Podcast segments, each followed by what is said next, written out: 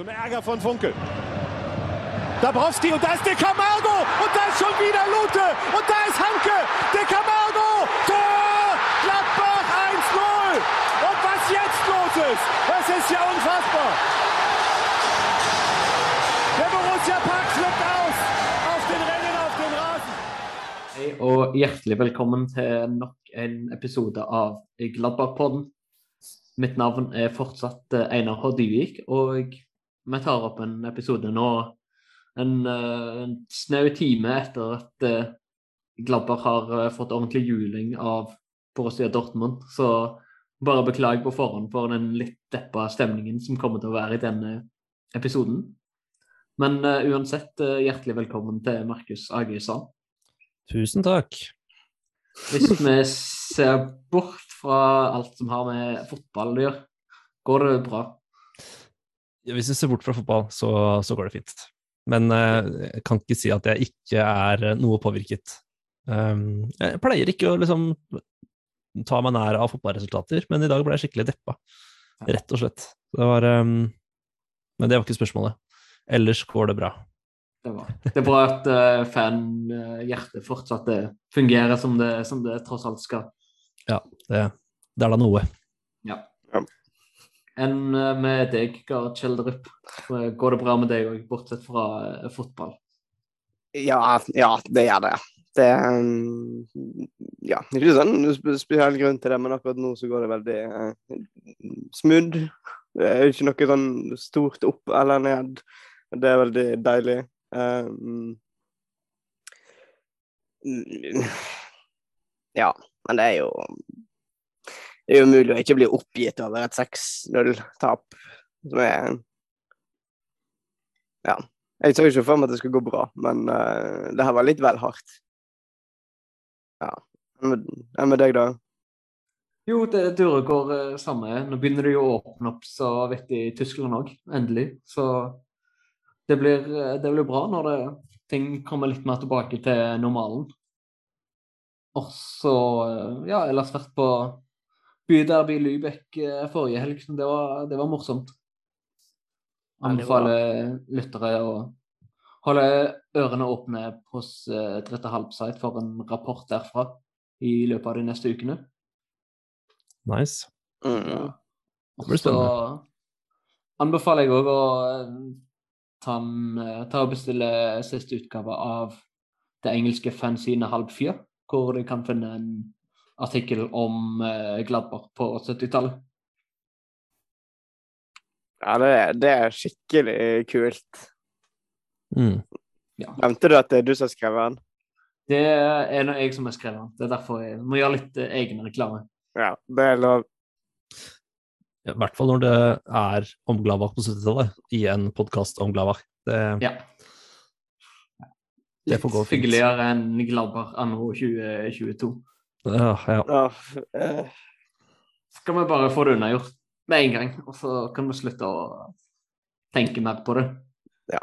Ja. For å Hvis jeg skal oppsummere det ganske kort, så syns jeg at Glabber Gladbach var fullt på høyde med Dortmund veldig lenge, men de rota bort kampen i løpet av syv minutter i første omgang, hvor de havna under 2-0. Er det en analyse som henger på greip? I, ja. I store trekk, ja. Ja, for det, altså, det var liksom flaks mot uflaks, egentlig. Altså, Dortmund hadde marginene med seg, og ikke glaba I, I første omgang, da. Andre omgang er jo en annen historie. Men eh, ja, som også Eivind sa, kommentatoren, at det, det var mange situasjoner som var ganske tilsvarende hverandre. Og det ble veldig tydelig hvilket lag som hadde flaks, og hvilket lag som hadde uflaks. Da. Særlig på den der der våres gikk i krysset og stang ut, og så hadde Dortmund en like etterpå som gikk i stanga, men inn. Ja. Ja. Ja. og så tenker jeg da, når Dortmund fikk et feilaktig frispark på 20-metershold, hvor Benzebaini er først på ball, og det er vel Hazard som sparker han da i foten og tryner og får frispark. Eh, og under 20 minutter senere så er det en tilsvarende situasjon hvor Gladbach, eh, en Gladbach-spiller faktisk blir felt på 20 meter, og det ikke er noe frispark. Det var òg en mulig hands-situasjon i første omgang. Med, jeg tror det var Slagado som hvor ballen var borti hånda hans. Som, Stemmer. hvor Gladbach har fått noen straffer mot seg tidligere denne sesongen. Ja, Men, Men vi som, fikk jo ikke sett noen skikkelig reprise på det sånn, og det så ut som at den var såpass høyt oppe på armen at det ikke liksom Jeg syns det var greit å ikke blåse, men jeg syns det er litt frustrerende at Gladbach ikke får de når de har fått de tilsvarende mot seg i eh, et par tidligere kamper. mm, Ja, for det burde det være, være sånn at de burde heller ikke Gladbach, blad, Gladbach fått blåst imot seg. Jeg syns det er blitt for lett å få straffe mot på hands. Ja. Altså Ballen skal egentlig bare være borti hånda, og så blir det straffe. mm. Nei, men ja, første gang i hvert fall var, eh, var veldig jevn. Og jeg synes at eh, Jeg så ikke Augsburg-kampen forrige uke, der hvor Gladbach vant 4-2, vel? 3-2. 3-2. 3-2. Nemlig. Um, ja, men som sagt, jeg så den ikke. Uh, men der var det jo der var det en seier. Men uh, dette er det beste jeg har sett Gladbach spille på ganske Eller siden Bayern i januar, vel? Men det er bare i første omgang, for andre omgang var jo Ja, da ble jo totalt overkjørt, syns jeg. Det var jo tendenser i slutten av første gang òg. Men spesielt liksom etter 60 minutter så var det helt krise, syns jeg. For jeg syns ja, jeg syns òg Gladbach hang godt med egentlig de første 20 minuttene av andre omgang, men så bare rakna det totalt etter at uh, 3-0 kom, egentlig. Mm. Det som er så sjukt, er jo at vi hadde 49% possession. Og vi hadde 15 pasninger færre enn Dortmund totalt. De hadde 481 pasninger, og vi hadde 466 pasninger. Så altså, det var så, så jevnt, da. Det er jo helt snålt. Ja. Så det, i, i, um, I første gang så var det jo kjempejevnt, og det kunne stått 2-2 eller 0-0, for den saks skyld. Mm. Men, men at en 6-0-kamp har så å si 50-50 possession og antall pasninger, er jo helt latterlig, egentlig. Ja. Det er jo det som er litt òg at eh, du ser at Dortmund vinner litt på litt på bedre kvalitet òg. At de, Mm. eh, de har skudd som går som går inn. Litt flaks at de går under sommer, f.eks. på, eh, på 2-0. Men du ser liksom når Gladbach kommer, at det er ofte skudd som går rett på keeper, og som er fullt mulig for keeper å redde. Jeg syns Kobel i Dortmund-målet gjør en veldig god kamp. Men Absolutt. han, Gladbach gjør det enkelt for han òg. Og det er veldig frustrerende å se. Ja, men det er vel to sjanser hvor han har griseflaks også, som like gjerne kunne vært i mål. Men, men han spilte en kjempefin kamp, det er ikke det. Og det er helt greit, for så vidt, at Dortmund vinner, men at Gladbach ikke har et eneste mål, og at det er 6-0, det er, det som frustrerer meg mest, da. ja, for det gjenspeiler jo ikke kampen i det hele tatt, egentlig. Nei. Altså, én ting er at vi rakner på slutten, som vi har en tendens til å gjøre, men eh, ja. Det er likevel et, et ganske drøyt resultat. Ja, det er det. Men, men igjen, da. Det er jo mye bedre enn å tape 0-6 mot Freiburg hjemme. For det, det har jo også skjedd. Men på en eller annen måte så var dette her surere. Ja, men det er jo fordi at det er masse historie, og det ligger masse liksom agg mellom oss og Dortmund akkurat nå, for de har ja, tatt en del spillere for oss, og det har tatt treneren, og, eh, og det har alle vært sånne overganger som så litt sånn ja, har ikke vært så greie, da. Um, mens de som har kommet til oss fra Dortmund, har jo kommet fordi at det ikke funker for deg i Dortmund. Så det ligger for, for ganske mange så ligger det masse historie der. Så, så må du ikke glemme at det er andreplass mot 13.-plass på tabellen. Ja, det er jo sant. Men, men likevel, da. Det- Så er litt typisk da, at når, eh, når det kommer et litt sånn vaklete Dortmund som har tapt eh, 4-2 mot Rangers et par dager før, og 5-2 mot Leverkusen for to uker siden. Og så begynner du å få litt troen på at uh, dette kan gå. Dortmund uten Haaland òg. Mens Mm. uh, Klabber har hatt litt oppgående kurve med både mot Bielefeld og seieren nå sist mot Augsburg. Så håper du at det kanskje går an å ta et poeng. Og så spiller de egentlig ganske bra i første omgang og delvis andre omgang, og så bare faller det helt sammen på slutten. Mm. Ja. Mm, ja, for jeg ble så glad da jeg så Haaland på, på tribunen der. Bare Å ja, stemmer det, han er ikke på. Men det, det ga seg fort, gitt. Nei, det er eh, Det er så dritt, altså. men men eh, er dette enden for Hitter, tror dere?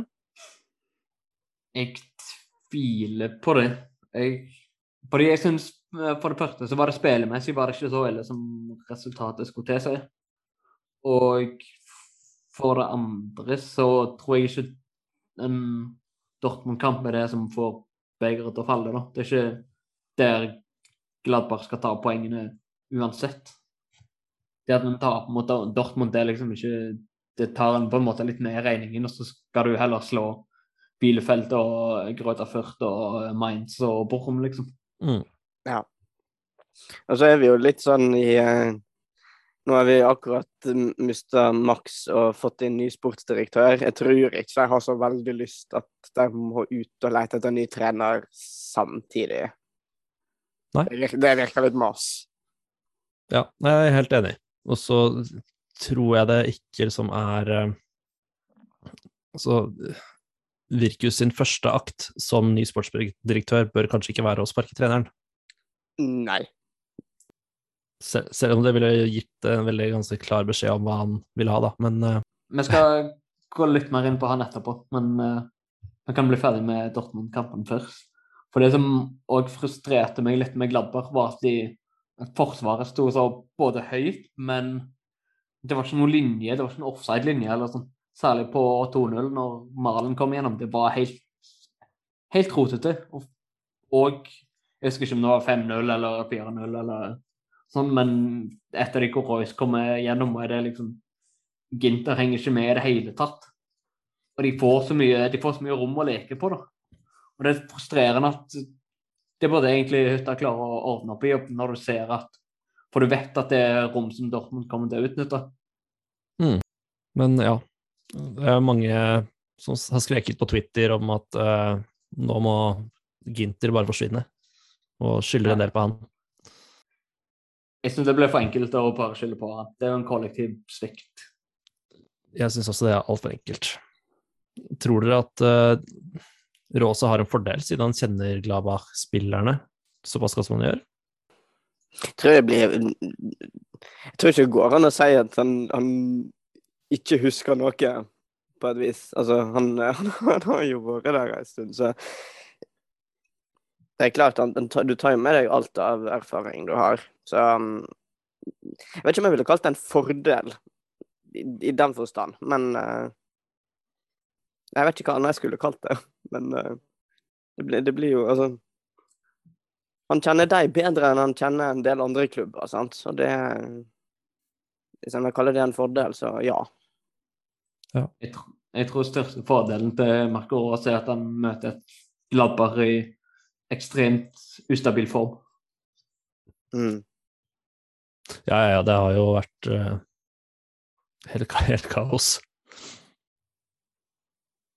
Var det noen Gladbart-spillere som dere syns gjorde det veldig bra, eller veldig dårlig? Jeg syns vel Kone ikke var så ille. Enig. Uh, og Plea var heller ikke så ille, men det er liksom i forhold til hvordan han har spilt så langt denne sesongen. Det er vel Kone om jeg kan trekke fram, tror jeg. Ja, han var bra. Han ser veldig bra ut. Mm. Syns det ble mye fall og klabb og babb fra Embolo. Ja, litt. Men han, han har det vanskelig der framme. Ble helt alene. Ja. Men noen veldig fine involveringer av både Noyas Benzbaini og Liner. Men uh, sånn overall ikke, de beste, ikke den beste kampen for noen av dem. Nei. Så er det synd òg for Sommer at han heller ikke kan trekkes frem når du slipper inn seks. Eller fem, da. Nummer seks var jo en straffe. Det kan han liksom ikke ta keeperen på helt. Um, Men uh, fem blir likevel Det blir for drøyt. Og så syns jeg eh, Jeg syns Turam var veldig usynlig at han kom inn. Det var sånn Jeg visste ikke at han var på banen nesten før han plutselig havna midt i kameraet. Han gjorde ingenting. Nei. Nei, han var ganske usynlig, ja. Uff. Nei, det var eh, Det var kjipt. Ja. Så irriterende òg at eh, desto synligere var Royce. Det, det, det, ja, det er irriterende at eh, det, det Har han skåret i nesten alle kampene mot oss? Jeg tror det er kanskje én der han ikke har skåret. Ja, det er eh, Eller eh, kanskje to, fordi at han var ute den kampen uansett. Um, den, ja. ja. det er liksom irriterende at vår gamle helt har liksom kommer tilbake for å ta oss. ja. Han er jo på lista over de som kan bli eh, kåra på tiårets lag. Ja, og som jeg husker han, og som jeg så han, da, så eh, skal det litt til at han ikke er en av de toppkandidatene, i hvert fall. Han er vel den spilleren som har flest mål mot Gladbach, tror jeg. I hvert fall av Dortmund. eh, Skal jeg sjekke med en gang. Han har flest mål, men da er det jo både for Gladbach og Dortmund, da. Og det står det ikke noe Det står det ikke noe om. Altså flest mål for mot begge klubbene, på en måte. Ja, han er den eh, I Gladbach mot Dortmund så er det han som har skåret flest mål, med tolv stykker. Men så er det jo de fire neste på lista, med ti og ni mål. Det er jo eh, gamle folk. Jørgen Schütz, Frank Mill, Lothar Emrich og Alfred Kevelbazza. Men jeg vil tippe at flesteparten av de måla har da kommet i Dortmund-drakt. Det vil jeg tro. Fordi at eh, nå, Jeg følte jo ikke Men han var jo ikke i Dortmund Nei, i Gladbach så lenge. Og um, det gikk jo sånn bare sånn halvveis da uh, han spilte for Gladbach, så jeg ser liksom ikke for meg at det var så mange eh, gode, gode kamper mot, mot Dortmund. Nei, men da skårte han ikke noe mot Dortmund. Men Gladbar har fått ny sportsdirektør, som vi var inne på så vidt. Roland Firkus fra München Gladbar. 55 år gammel og har ledet klubbens Nachwuchsleistungszentrum. Et veldig fint tysk ord. De siste årene, som er da er ungdomsavdelingen til klubben. Vi følger jo Gladbach veldig tett, men ingen av oss hadde vel hørt om han før han plutselig dukka opp som ny sportsdirektør nå for et par dager siden. Jeg hadde hørt om han, ehm, men det var òg fordi jeg hører på den podkasten til Gladbar, og da har du noen navn, bare hører du den bli nevnt sånn innimellom. Og så hørte jeg i forbindelse med det her en um, podkast jeg hadde om selve ungdomsavdelinga. Den, eh, den har eh, Den kom for jeg, jeg tror den kom i 2020, og så har jeg ikke hørt på den enda. Så da fikk jeg jo god sjanse til å gjøre det nå.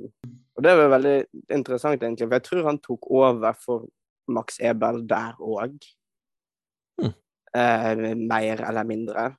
Og så har de eh, Jeg kjenner jo ikke andre klubber godt nok til å svare på om de har det, men i Gladbach så har du òg et sånt ektepar som fungerer som bonusmamma og pappa til de ungdommene som er der.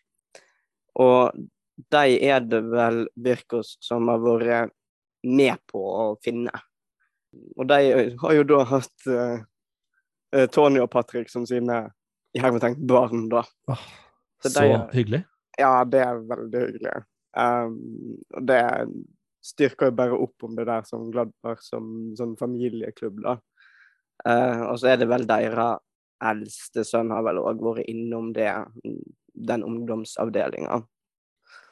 Ja, og så var jeg jo overraska over at eh, de sa jo klubben at de skulle ha inn noen ekstern. Og det her er jo i høyeste grad internt. Han har vært trener i klubben i 32 år. Ja. Altså trener i 32 år. Det er nesten 60% av livet hans, det. ja. Det er jo helt sjukt. Ja. det er ganske mye. Men Ja. Han var jo trener, hovedtrener for U17 også, fra 91 til 2009. Og leda de 50 kamper. Og vet du hva poengsnittet hans var? Oi. 1,7. 1,7? Ja, 2,3. Oi. Så det er skikkelig bra. For jeg tror i, I den potten er ikke 92-generasjonen med der. Eh, det må det jo nesten være. Eller han Ja, Ter Stegen og, og co. ja. Du, det vet jeg ikke. Men det, det er godt mulig. Nei, jeg vet, eh, det har jeg òg hørt Det er langt tilbake, men det er òg i den podkasten der eh, Jeg lurer på om det da er intervju med han, han sier at den, særlig den 92-generasjonen med da Ter Stegen i spissen var veldig, veldig god. Ja. Og som da gjorde det bra på alle de ungdomsnivåene. Så Ja. eh, ja, men han var jo sikkert trener, hovedtrener for de, han da. ja. Jeg, jeg tar det med en liten klype salt, men jeg er ganske sikker. Ja. Det er jo i hvert fall en veldig eh, veldig modig ansettelse. Som jeg synes de går litt Virker veldig som en sånn D-løsning når de går ut og sier at de vil ha en ekstern, og så snakker de litt om på pressekonferansen at de har liksom snakket med den og den og den. Og så har de funnet ut at nei, de har jo det, det de vil ha i egen klubb. Men da burde de vel kanskje ikke sagt så tydelig at de vil ha ekstern løsning når de eh, til slutt lander på en så intern løsning. Jeg syns det fremstår litt klønete av klubben og på måten de, eh, måten de håndterer det på. Ja, men jeg syns å huske at han sa at eh, Eller at det var et intervju eh, hvor Jeg vet ikke om det var med Shippers eller en av disse toppene. At de hadde spurt han, og så var han veldig usikker og trengte litt tid til å gå i seg selv og finne ut av ting. Og så har de vært i kontakt med eksterne folk, og så bestemte han seg for at han kunne ta den jobben, da. Så, så jeg tror kanskje at de, den uttalelsen kom litt fordi han ikke var helt interessert. Men jeg, jeg skal ikke si noe sikkert, altså. Men uh, det var mitt inntrykk, i hvert fall. Ja, for det er jo tydelig at det har uh, vært litt fram og tilbake i kulissene, da. Sannsynligvis med tanke på uttalelser og hva løsninga ble. Mm. Så um, Men jeg, jeg for min del er Hva skal jeg Nøytral med tendens mot positiv. For uh, han kjenner jo åpenbart klubben godt og er liksom inne i uh, hva det betyr å være Borussia Mönchengladbach, og det uh, syns jeg er fint. Ja, jeg er helt enig. Jeg, jeg er positiv, jeg. For Ja. liksom når det kommer en ekstern, så er det sånn Da er det Må man bli kjent med klubben, og det er ganske mye press. Og liksom, ja, jeg gikk fra denne klubb A til klubb B fordi det er en fin sjanse, bla, bla, bla. Mm. Men, men Og det, det er så mye risk i det, da. Ja. Hvis man har en intern som har vært da i klubben i 60% av sitt eget liv, mm. um, og kjenner liksom kjenner alt, og fant mammaen og pappaen til klubben, som du sier, Ja. da tror jeg liksom at det, det kommer til å gå bra. Og han kjenner jo da Steffen Korell, som er, har vært eh, hovedspeider og speidersjef og sånne ting. Mm. Og de skal jo jobbe tett sammen, ifølge Virkus. Så jeg, jeg tror at dette blir, eh, blir fint, jeg. Og ikke minst òg at han er eh, født og oppvokst i eh, Gladbach-området. Jeg tror plassen han er fra som bydel, er en del som tilhører Reit. Som nå er en del av München-Gladbach, men som ikke var det eh, for noen hundre år siden, eller hva det var. Um, så ja, det er ikke så veldig nøye akkurat det, da. Men eh, da kjenner du òg til klubben på en annen måte enn hvis du skulle fått inn noen fra eh, et annet bondesland. Mm. Ja. For da, da er du vokst opp med, med hva det betyr, og du har vært fan fra du var liten av, sant. Det, du har du et annet sånn ønske om hva du vil for klubben, og det blir liksom noe mer enn bare her skal jeg gjøre en jobb, og det er et fett hvordan det går så lenge resultatet er på plass. Jeg det jeg, som jeg syns er mest positivt, er at han har den bakgrunnen fra klubben og fra ungdomsavdelingen. Og jeg håper at han kan satse mer på ungdomsspillere i Mm. framtiden. For det hadde vært ganske tynt nå de siste årene. Siste, med unntak av Rocco Wright, som hadde spilte vel én kamp i forrige sesong. Så er det Jordan Bayer er den siste som kom opp derfra. Han debuterte jo i 2017, tror jeg, og så har han vært litt ute og inn av laget og vært lånt ut litt og sånn. Mm. Men ellers har det ikke vært sånn, bortsett fra liksom Patter Kerman og Tony Janske og Ter Stegen og sånn som kom opp mm, tidlig på 2010-tallet, så har det ikke vært noe særlig spillere fra egen, eget akademi som har kommet opp de siste årene. Så der håper jeg at ting kan eh, bli bedre. Mm. Og så er det jo positivt for alle som er ungdomsspillere òg, at nå, nå kjenner jeg òg veldig godt han som er sportsdirektør. Ja, ja, ja. Altså, For de har jo de har gjentatt nå et par ganger på pressekonferansene at de har disse tre søylene som skal liksom gjenspeiles i laget. da, At du har en tredjedel som kommer fra eget ungdomsakademi, og så en tredjedel som er eksterne talenter. Og så er det jo en tredjedel som er mer etablerte spillere, som de henter til klubben. Og at de siste årene så har det vært særlig den eksterne talenter som har fått veldig mye fokus, og som har kanskje bitt klubben litt i baken igjen. Og at det må satses mer på de to andre. Men apropos det, så var det jo Rocco Reitz som sa, jeg husker ikke om det var en, et intervju eller hva det var, men å, å spille for Glabach i Bundesliga er det jeg alltid har hatt lyst til å gjøre. Det er det jeg kommer til å kjempe for, og drømmen min vil være å bli en, i Borussia til kroppen ikke klarer å fortsette lenger. Oh. Og det er så vakkert å høre, da. ja. Har vi en Han har gjort det ganske bra også når han har fått sjansen. Rocco Reitz der altså. Men at han har den uttalelsen, samtidig som vi får da en sportsdirektør som vil fokusere mer da på ungdomsspillerne, så ja, det er stas.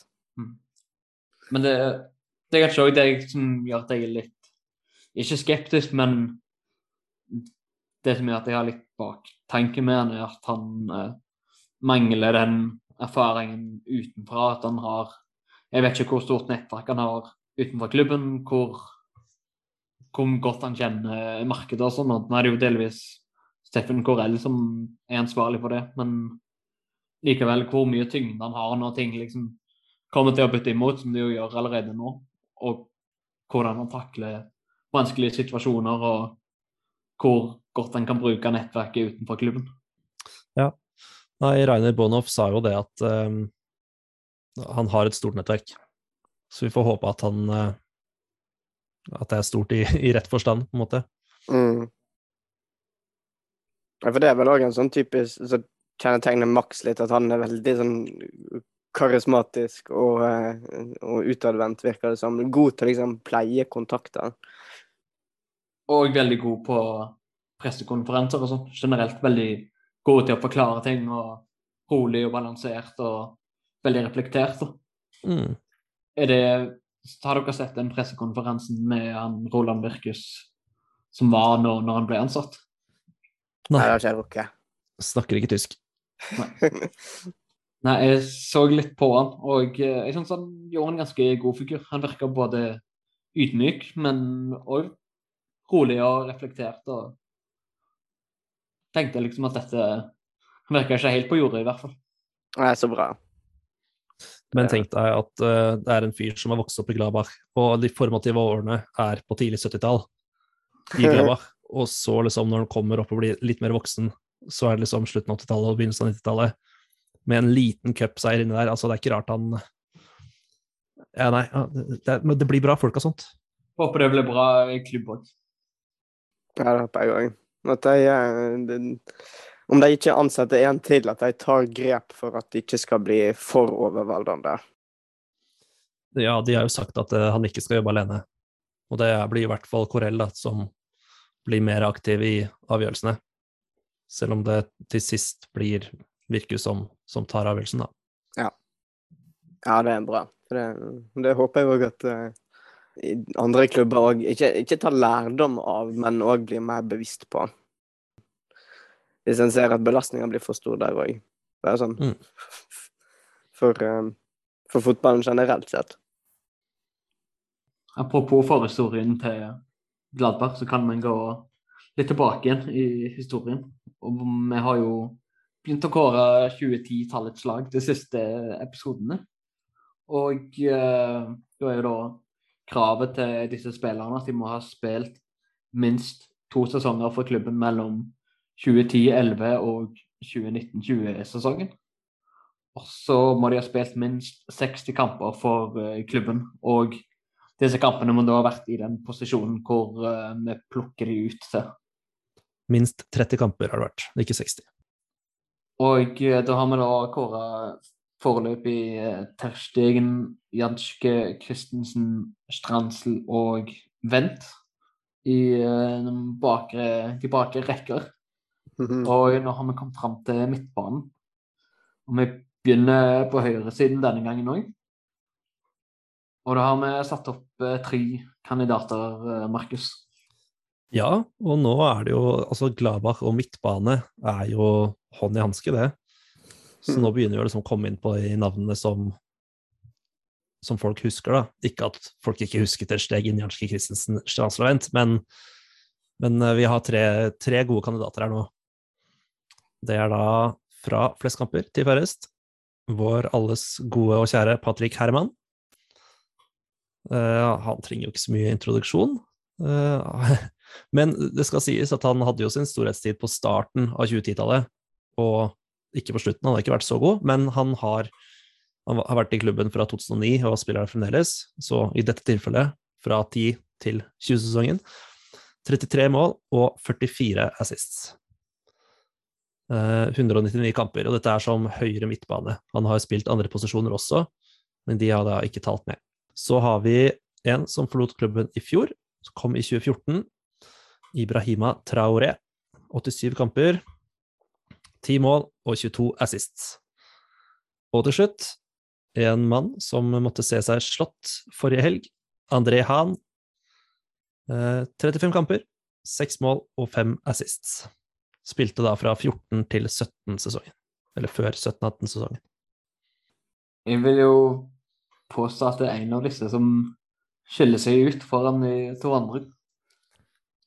Ja. Det, det vil jeg også tørre å påstå. Men Vil du, eh, uten, si, uten at jeg skal si, legge ord i munnen på deg, vil du si hvem du tenker eh, skiller seg ut? Nei, det er jo den av disse tre som fortsatt er i klubben.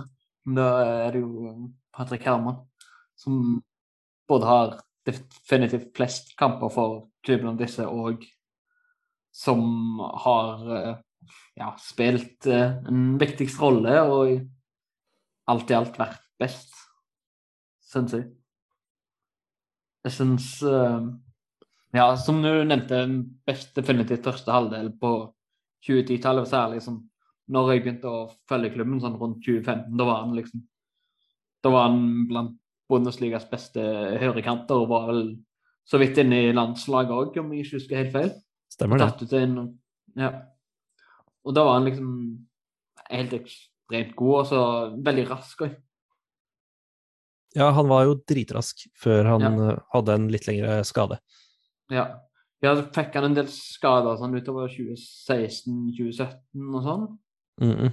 Og så har han ikke kommet helt tilbake igjen fra det og vært litt Ja, fått veldig mye, blitt bytta veldig mye inn, nå, men fått lite kamper fra start sånn etter hverandre. Mm. Mens for å ta de to andre, så syns jeg Ibrahima Traoré er veldig frisk når han kom fra Stuttgart i 2014. Og særlig den første sesongen veldig, veldig viktig bidragsyter når Gladbach kvalifiserte seg til Champions League. Tok tredjeplass. Mm. Og så var jo han veldig skadeplaga sånn de neste sesongene, egentlig. Og spilte nesten ikke. Han var jo litt sånn som Dokoré har vært nå de siste.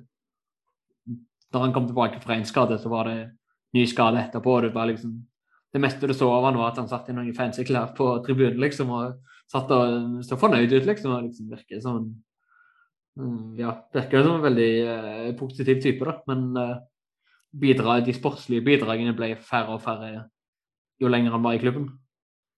Han ble også treigere. Ja, tregere. Ja. Han òg var ganske rask og veldig, veldig god teknisk. da. En liten driblefant og sånn. Det er vel eh, veldig se forskjellen på han og Herman, at han er vel bedre teknisk, sånn eh, finteknisk.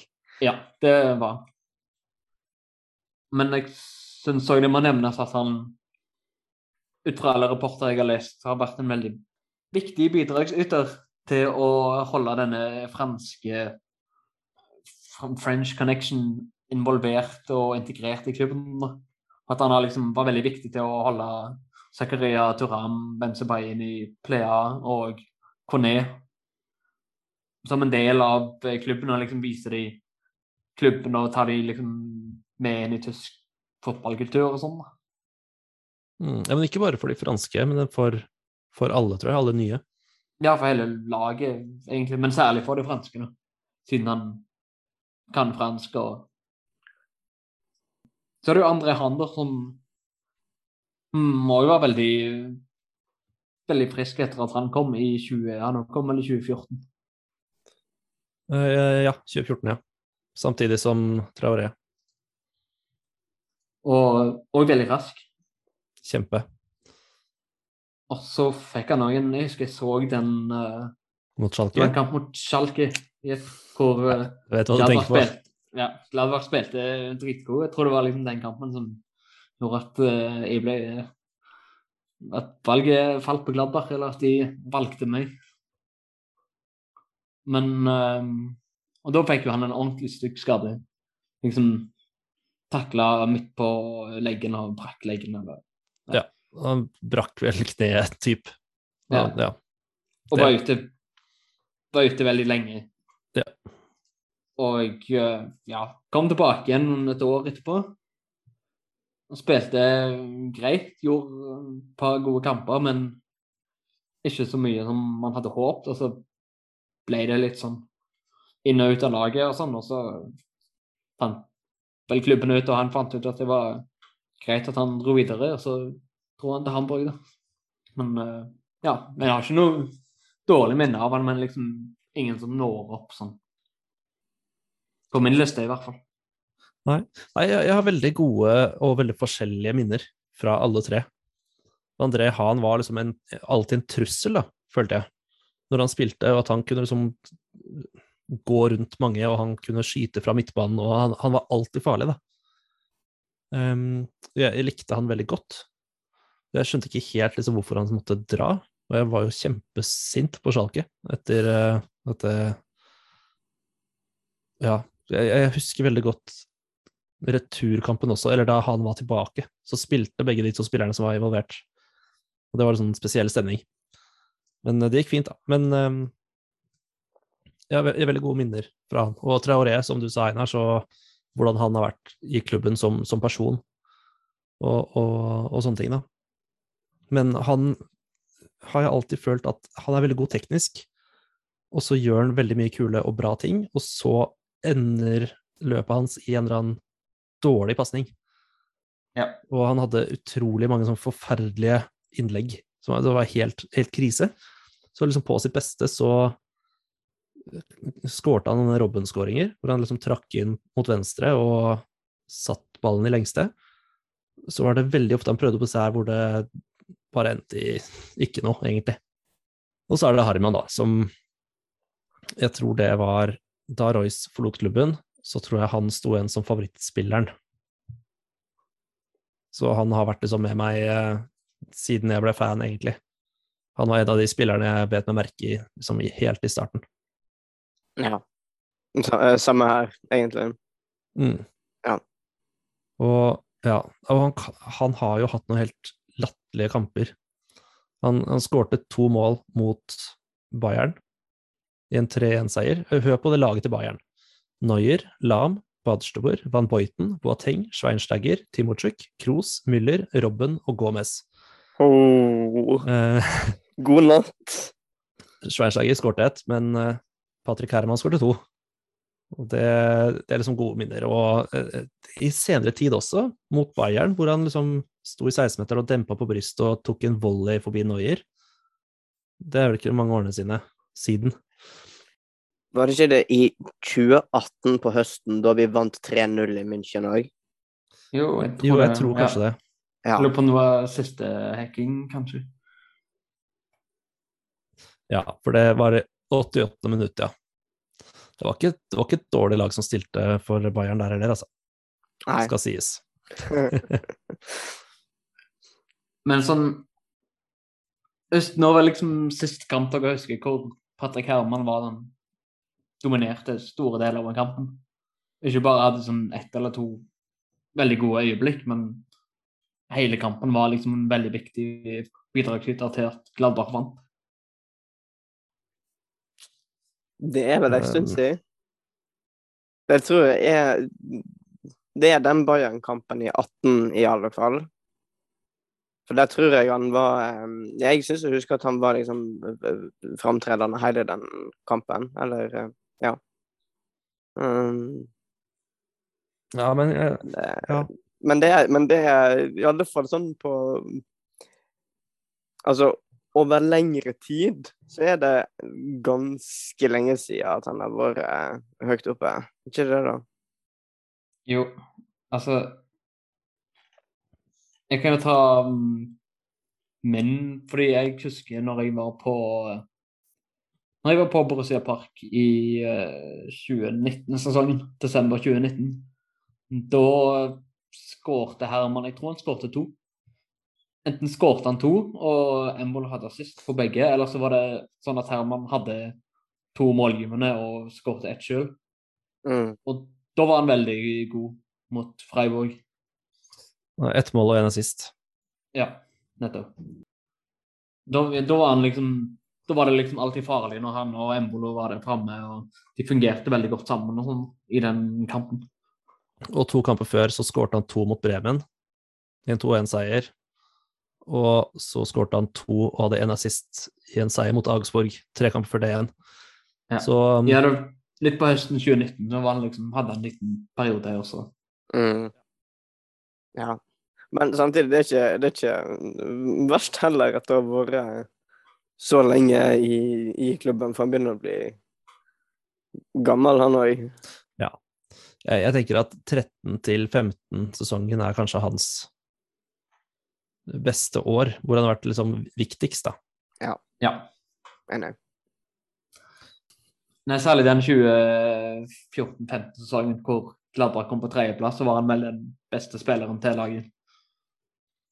Blant i hvert fall. Mm. Ja. Nei, men for meg så er det, er det Herman, altså, som gjelder. Mm. Hva, hva mener du av disse tre spillerne, Gard?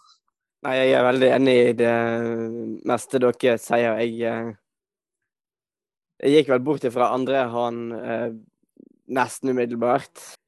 Som vi var inne på, Traoré har en del teknisk som Patrick Herman ikke har, men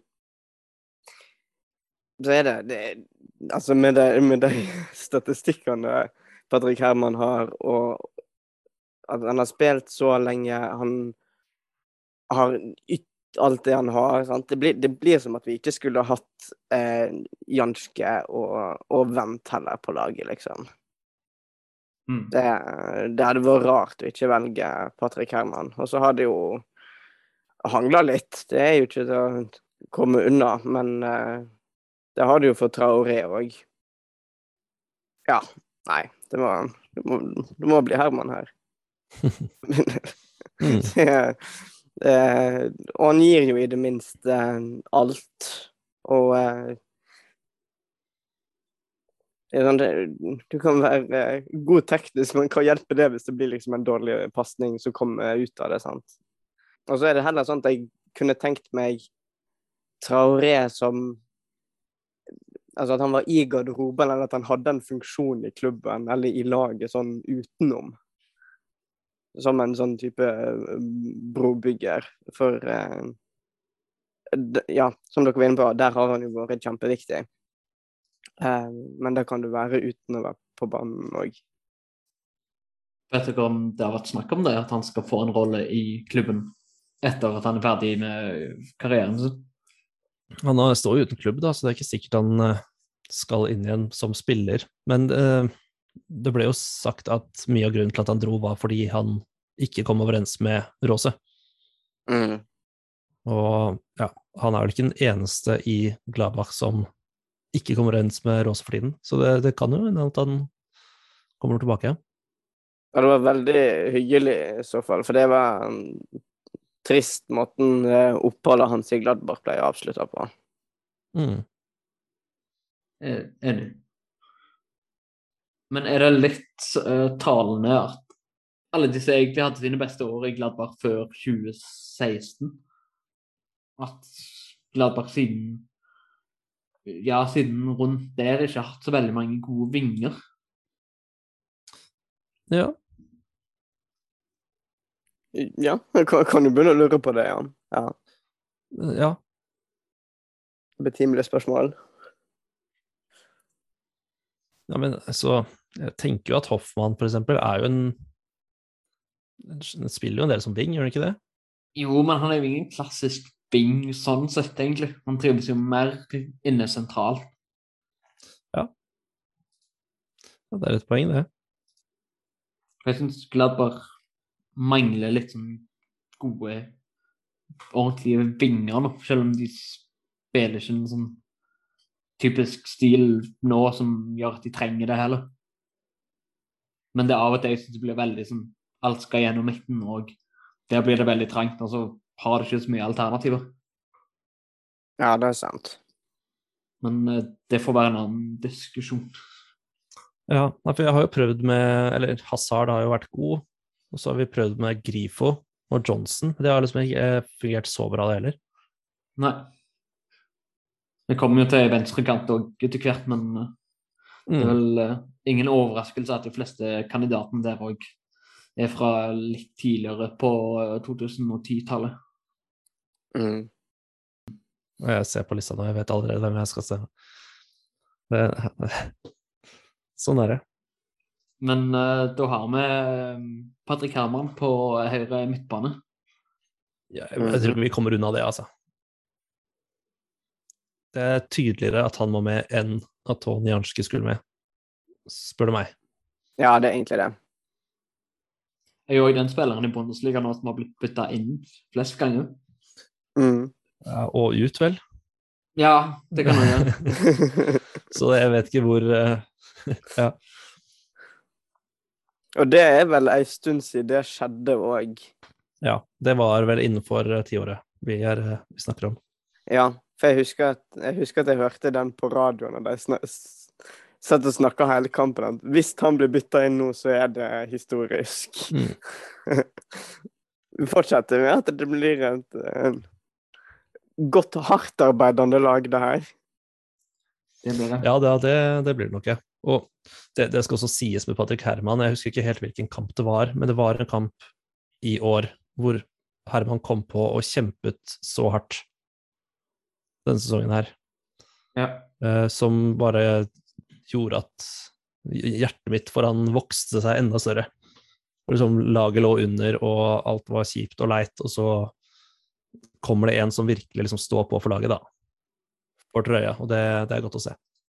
Når du har den type motivasjon, så kan du få til ganske mye.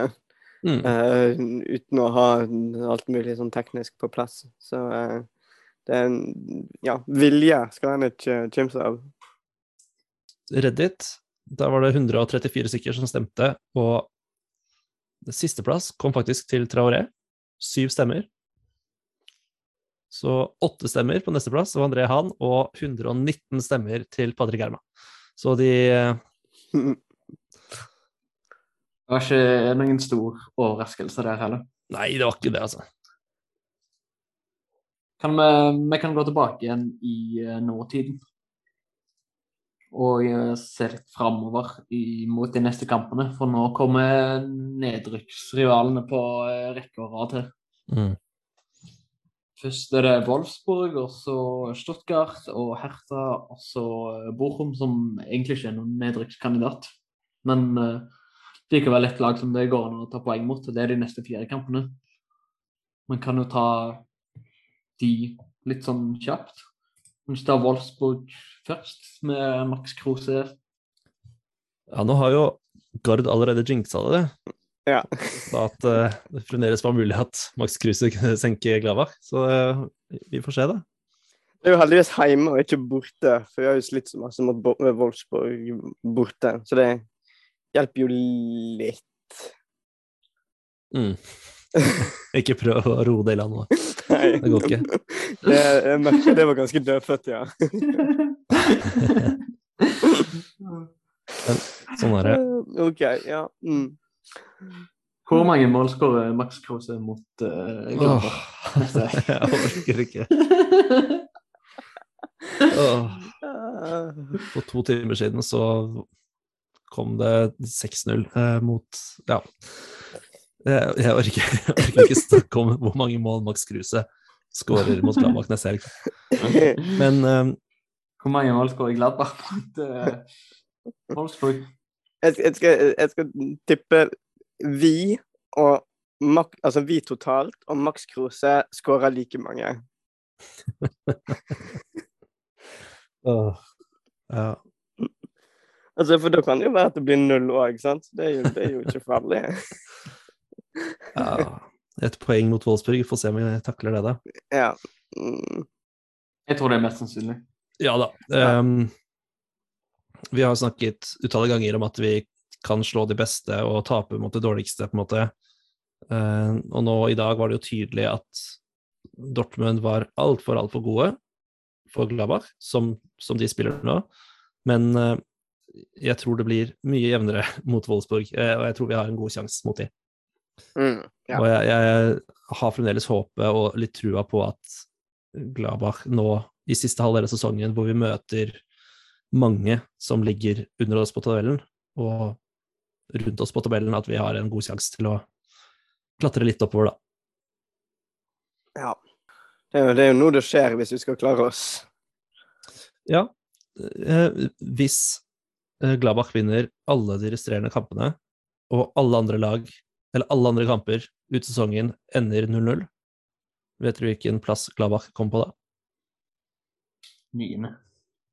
Nei, hvis Gladbach vinner hver kamp og alle andre spiller uavgjort. Mm, femte. Nei, jeg er faktisk oppe i tredje, men, mm. uh, men vi, altså, vi har ikke kjangs til å Nei. Nei. Ja, det, Nei. vi, vi ligger langt nede, er egentlig poenget jeg skal fram til nå. Men det viser jo bare at det er jevnt òg, da. I, eh, I ligaen generelt. Ja da. Det er det. Som bak Bayern og over Ført, så er det jo veldig, veldig tett, egentlig. Mm. Men eh, ja. Jeg tror ett poeng mot Wolfsburg er mest realistisk. To lag i ganske dårlig form, som du aldri helt, helt vet hva du får fra. Mm. Og eh, da tror jeg uavgjort er det mest sannsynlige der, altså. Kanskje, som dere sier, at liten fordel Gladbach siden det er hjemmebane. Og Ja, og Gladbach har skåret flere mål enn Wolfsburg også, det sier jo sitt. Men igjen, nå har de kjøpt Kruse, da. Ja, men Wolfsburg har likevel sett veldig fortapt ut de siste kampene. Mer fortapt ut enn Gladbach har sett ut. Ja. Og så mener jeg at eh, jeg både håper og tror det blir eh, seks poeng totalt mot eh, Stuttgart og Hertha. De er så eh, elendige. De er så dårlige. Det er Gladbach òg, men Men de til og med ikke så dårlig er Gladbach på øyeblikket. Ja. Nå tapte Hertha nettopp 1-5 mot Leipzig. Og det er Ja.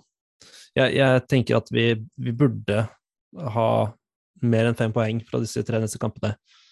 Og hvis vi taper mot Stuttgart og eller Hertha, så frykter jeg mer for Hyt- Hytter Ja, enn jeg gjør nå. ja, det er sant. Mm. Altså, jeg er mer usikker mot Borum. Der tror jeg De slo jo Bayern 4-2 og har vært veldig stabile og gode generelt.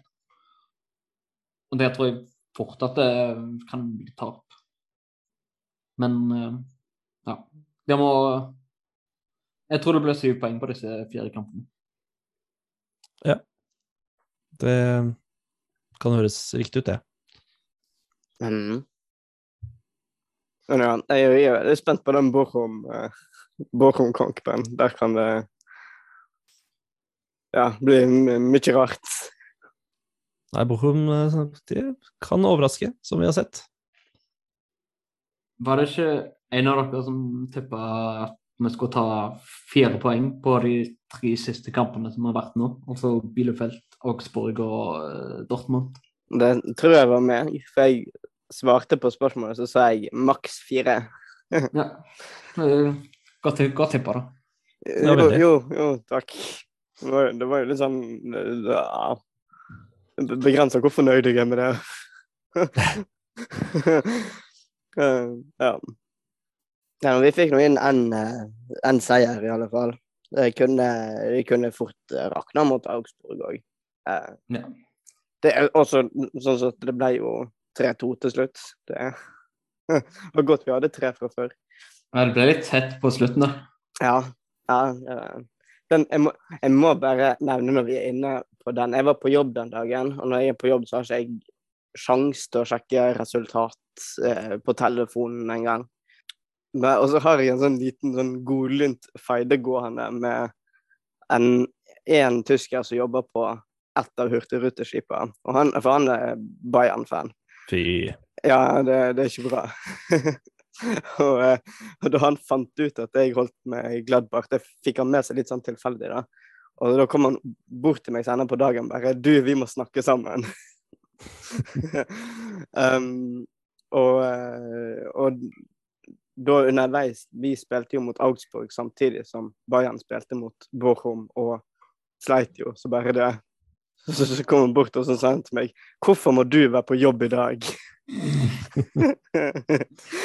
så det var en mann som ikke var særlig eh, høy i hatten. Han var, han var ikke spesielt fornøyd den dagen. Det var, det var deilig å kjenne på at det gikk eh, vår vei, og enda kjekkere og egentlig å se at uh, Bochum ja, ødela godt for Bayern. Ingen fryd er bedre enn skadefryd. Nei, det er så sant. Uff, men apropos Bochum, så er det jo elleve år siden vi møtte de i playoff-kamp. Her stemmer det. Men for akkurat elleve år siden, 20. februar 2011, da spilte Glava mot Schalke, og det var første kampen til Favre. Oi. Hvis oppdrag var å få Gladbach opp fra nedrykksstriden. Så kanskje man kan trekke noen paralleller etter hvert. Ja, det er alltid gøy å gjøre det. Men uh, Tony Janske og Herman spilte, de. Selvfølgelig. Herlig. Ja. Og Noyer spilte for Schalke, da. Det er et bevis på at det er lenge siden. Ja, sammen med Farfan og Raoul og Huntelar. Ja, oi, Oi, oi. Draxler og Oi. good times. Nei. Men eh, skal vi gi oss for i dag? Ja, nå kan vi alle legge oss i fosterstilling og gråte noen bitre tårer over, eh, over Marco Royce. Og Marco Rosa. Og så eh, høres vi igjen sannsynligvis etter Bochum-kampen. Det er en liten landslagspause inni der, så det kan passe fint med en, å fylle den med en episode av Gladbar-podden. Mm. Høres bra ut. Takk for at du eh, hører på eh, oss. Eh, takk til Markus Agøysand. Takk selv. Takk til Gard Kjeldrup. Takk til deg òg. Mitt navn er Einar Hårdivik, og på gjenhør. Ha det. Tschüss. Manuel Neuer, der Gegenspieler. Fritz gibt den Ball frei. Rami Benzebaini. Ein, zwei, drei Schritte. Benzebaini. Tor, Tor, Tor, Tor, Tor, Tor, Tor. 2-1. 2-1 Gladbach.